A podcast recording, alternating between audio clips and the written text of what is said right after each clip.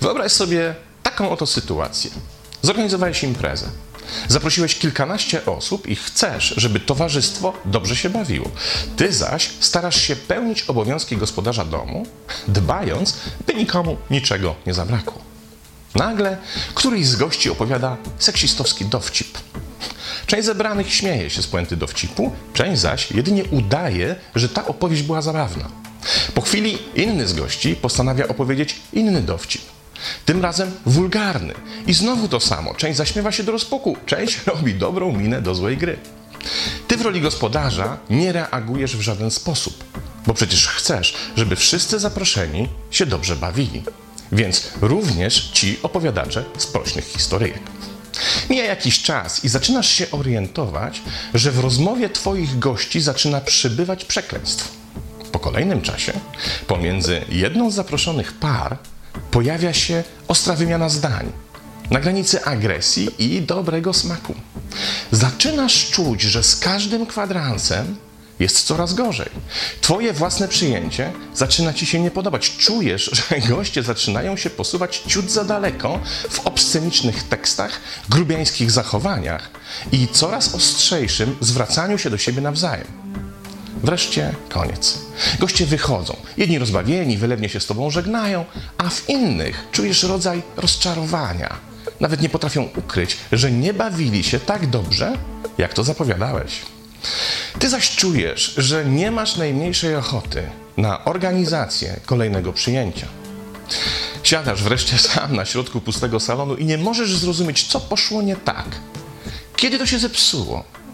Od czego to zależy, że impreza przybrała taki niespecjalnie reprezentacyjny obrót? Żeby wyjaśnić to zjawisko, musimy się posłużyć socjologiczną teorią rozbitych okien. Została opracowana przez Catherine Coles i Georgia Kellinga w 1982 roku i doprowadziła do wprowadzenia w USA programu Zero Tolerancji. O co w niej chodzi? Otóż okazuje się, że w środowisku, w którym pojawia się tendencja do łamania norm społecznych, eskaluje przestępczość. Jeśli w danej dzielnicy znajdowały się budynki z rozbitymi oknami, to zamieszkujący te dzielnice ludzie uznali, że istnieje w niej również tolerancja do łamania innych norm społecznych. Autorzy teorii mówią tutaj o zaraźliwości, na skutek której wzrasta przyzwolenie co do tego, by w środowisku, w którym pojawiają się nawet nikłe społeczne śmieci, móc śmiecić jeszcze bardziej. To mniej więcej tak, jakbyśmy wyobrazili sobie nielegalne wysypisko śmieci ukryte gdzieś w środku lasu. Jeśli odpowiednie służby w porę go nie uprzątną, to zacznie się ono szybko rozrastać. A też przy okazji wokół niego pojawią się inne odchylenia od norm. Na przykład nielegalna wycinka drzew, kradzież czyjegoś mienia i tak dalej i tym podobne. Pokażmy to na innym przykładzie. Wchodzisz do kuchni, niosąc brudny kubek po właśnie wypitej kawie. Jeśli zlew jest czysty i pusty, to istnieje dużo większe prawdopodobieństwo, że umyjesz ten kubek zanim go odłożysz. Jeśli jednak w zlewie znajduje się sterta brudnych naczyń, to najprawdopodobniej wyląduje tam również brudny kubek, prawda? A teraz przełóżmy teorię rozbitych okien na nasz system emocjonalny, bo o taką w istocie zaraźliwość w niniejszym wykładzie chodzi. Oznacza ona, że jeśli będziesz tolerował w sobie określoną negatywną emocję, to zwiększasz prawdopodobieństwo, że po chwili dołączą do niej kolejne.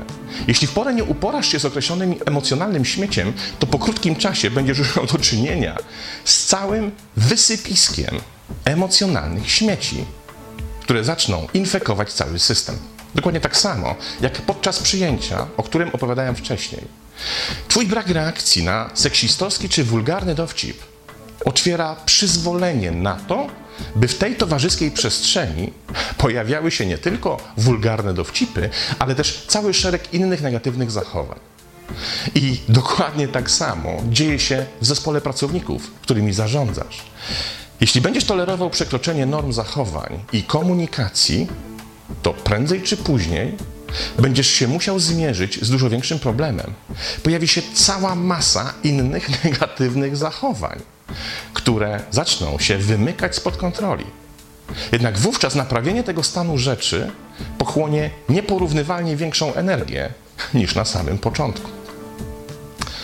Zawsze wówczas, kiedy zareagujesz zbyt późno, czy to na przyjęciu, czy to w pracy, usłyszysz odpowiedzi: No co ty, przestań, wyluzuj. Przecież do tej pory ci to nie przeszkadzało. I wówczas będziesz potrzebował dużo większego autorytetu i konsekwencji, by wprowadzić do otoczenia odpowiedni do sytuacji i adekwatny do danej chwili kodeks zachowań i komunikacji. Dużo łatwiej i bezpieczniej jest wprowadzić odpowiednią normę do systemu komunikacyjnego odpowiednio wcześnie. Kiedy wszyscy uczestnicy układu znają kodeks zachowań w dużo mniejszym stopniu, będą skłonni do tego, by przekraczać wskazywane przezeń normy. I nie chodzi tutaj o zarządzanie zamordystyczne, e, wprowadzające porządek układu poprzez psychologiczny terror. Chodzi wyłącznie o wykształcenie w sobie umiejętności wprowadzania zasad i konsekwencji ich realizacji. W ten sposób powstają dużo bezpieczniejsze, czystsze i efektywniejsze układy interakcji społecznych.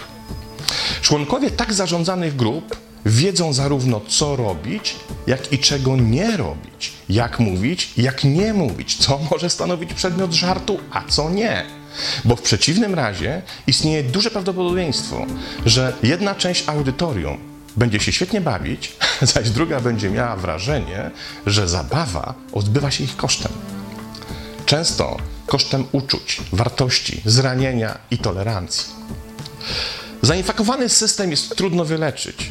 Dużo łatwiej jest stosować profilaktykę, by zmniejszyć prawdopodobieństwo infekcji. Oszczędzamy nie tylko własną energię, ale też tworzymy układ, który sam z siebie zaczyna nabierać odporności na infekcje. Łatwo to zobrazować za pomocą jednego z wcześniejszych układów. Jeśli wchodzisz do kuchni z brudnym kubkiem po kawie i zastajesz tam czysty, opróżniony zlew, a do tego na dokładkę stojących obok innych ludzi, którzy uznają, że czystość zlewu jest normą w tej grupie, to tym bardziej ochoczo i bez mrugnięcia okiem umyjesz swój kubek. Dzieje się tak, bo kiedy mamy do czynienia z przeszklonymi, a nie rozbitymi oknami, to jeszcze istnieje w takim systemie wsparcie innych, którzy sami z siebie będą pilnowali, by tych okien nie rozbić. A jeśli jakieś zostanie rozbite, to szybko dopilnują, by została doń wstawiona nowa, odpowiednia szyba. Bo tak jak nieporządek systemu, jego zaśmiecenie powoduje wzrost prawdopodobieństwa pojawienia się w nim nowych, negatywnych aktywności. Tak porządek systemu spowoduje wzrost prawdopodobieństwa odporności na kolejne śmieci.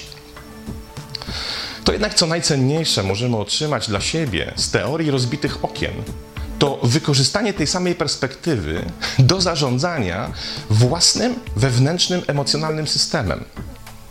Przecież rzeczywistość jest skonstruowana fraktalnie, a to oznacza, że zjawiska oraz modele zachowań mające miejsce w otaczającym nas świecie rządzą się tymi samymi prawami, co psychologiczne modele zachowań zachodzące w naszej własnej głowie.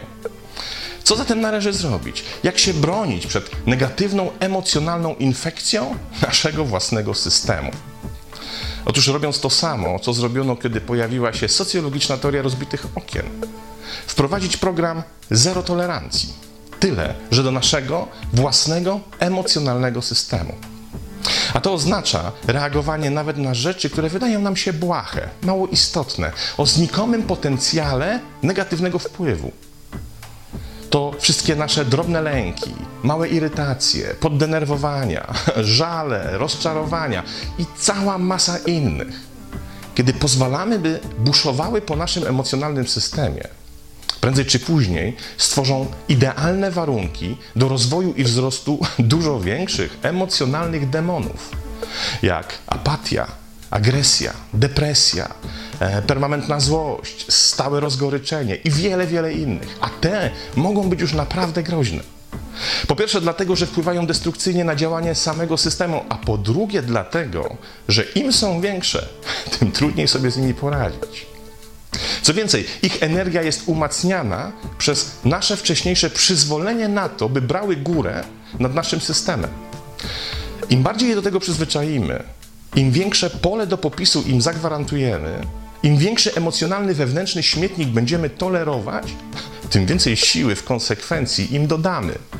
A silne, rozzuchwalone, złośliwe, emocjonalne demony w takim środowisku czują się jak ryba w wodzie.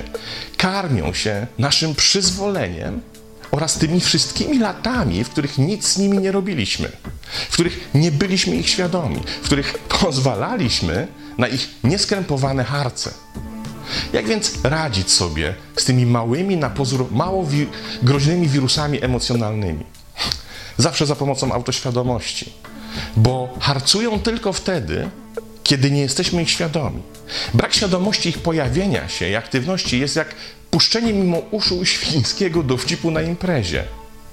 Nie bądźmy jednak wtedy zdziwieni, że cały późniejszy wieczór nie wypadł tak dobrze, jakbyśmy chcieli. Świadomość jest umiejętnością dostrzeżenia tego, co się dzieje i uruchomienia odpowiednich mechanizmów, za pomocą których możemy pozbawić tego typu zjawiska ich całej destruktywnej energii. To jakby pacyfikacja najmniejszych emocji, kiedy tylko się pojawią. I po raz kolejny powtórzę, nie chodzi tu o to, by się emocji całkowicie wyzbyć, bo są nam potrzebne jak powietrze, którym oddychamy. Chodzi wyłącznie o to, byśmy to my mieli nad nimi władzę, a nie one nad nami. Kiedy zaś masz władzę nad własnymi emocjami, to jednocześnie otrzymujesz zdolność do decydowania, co zrobić w efekcie ich pojawienia się. Czy działać, czy powstrzymać się od działania, czy je pokonać, czy wykorzystać zawartą w nich informację, czy też jedynie obserwować ich aktywność w sobie.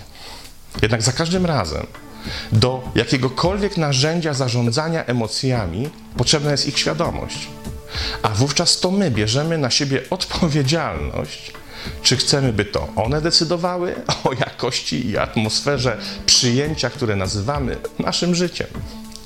Pozdrawiam.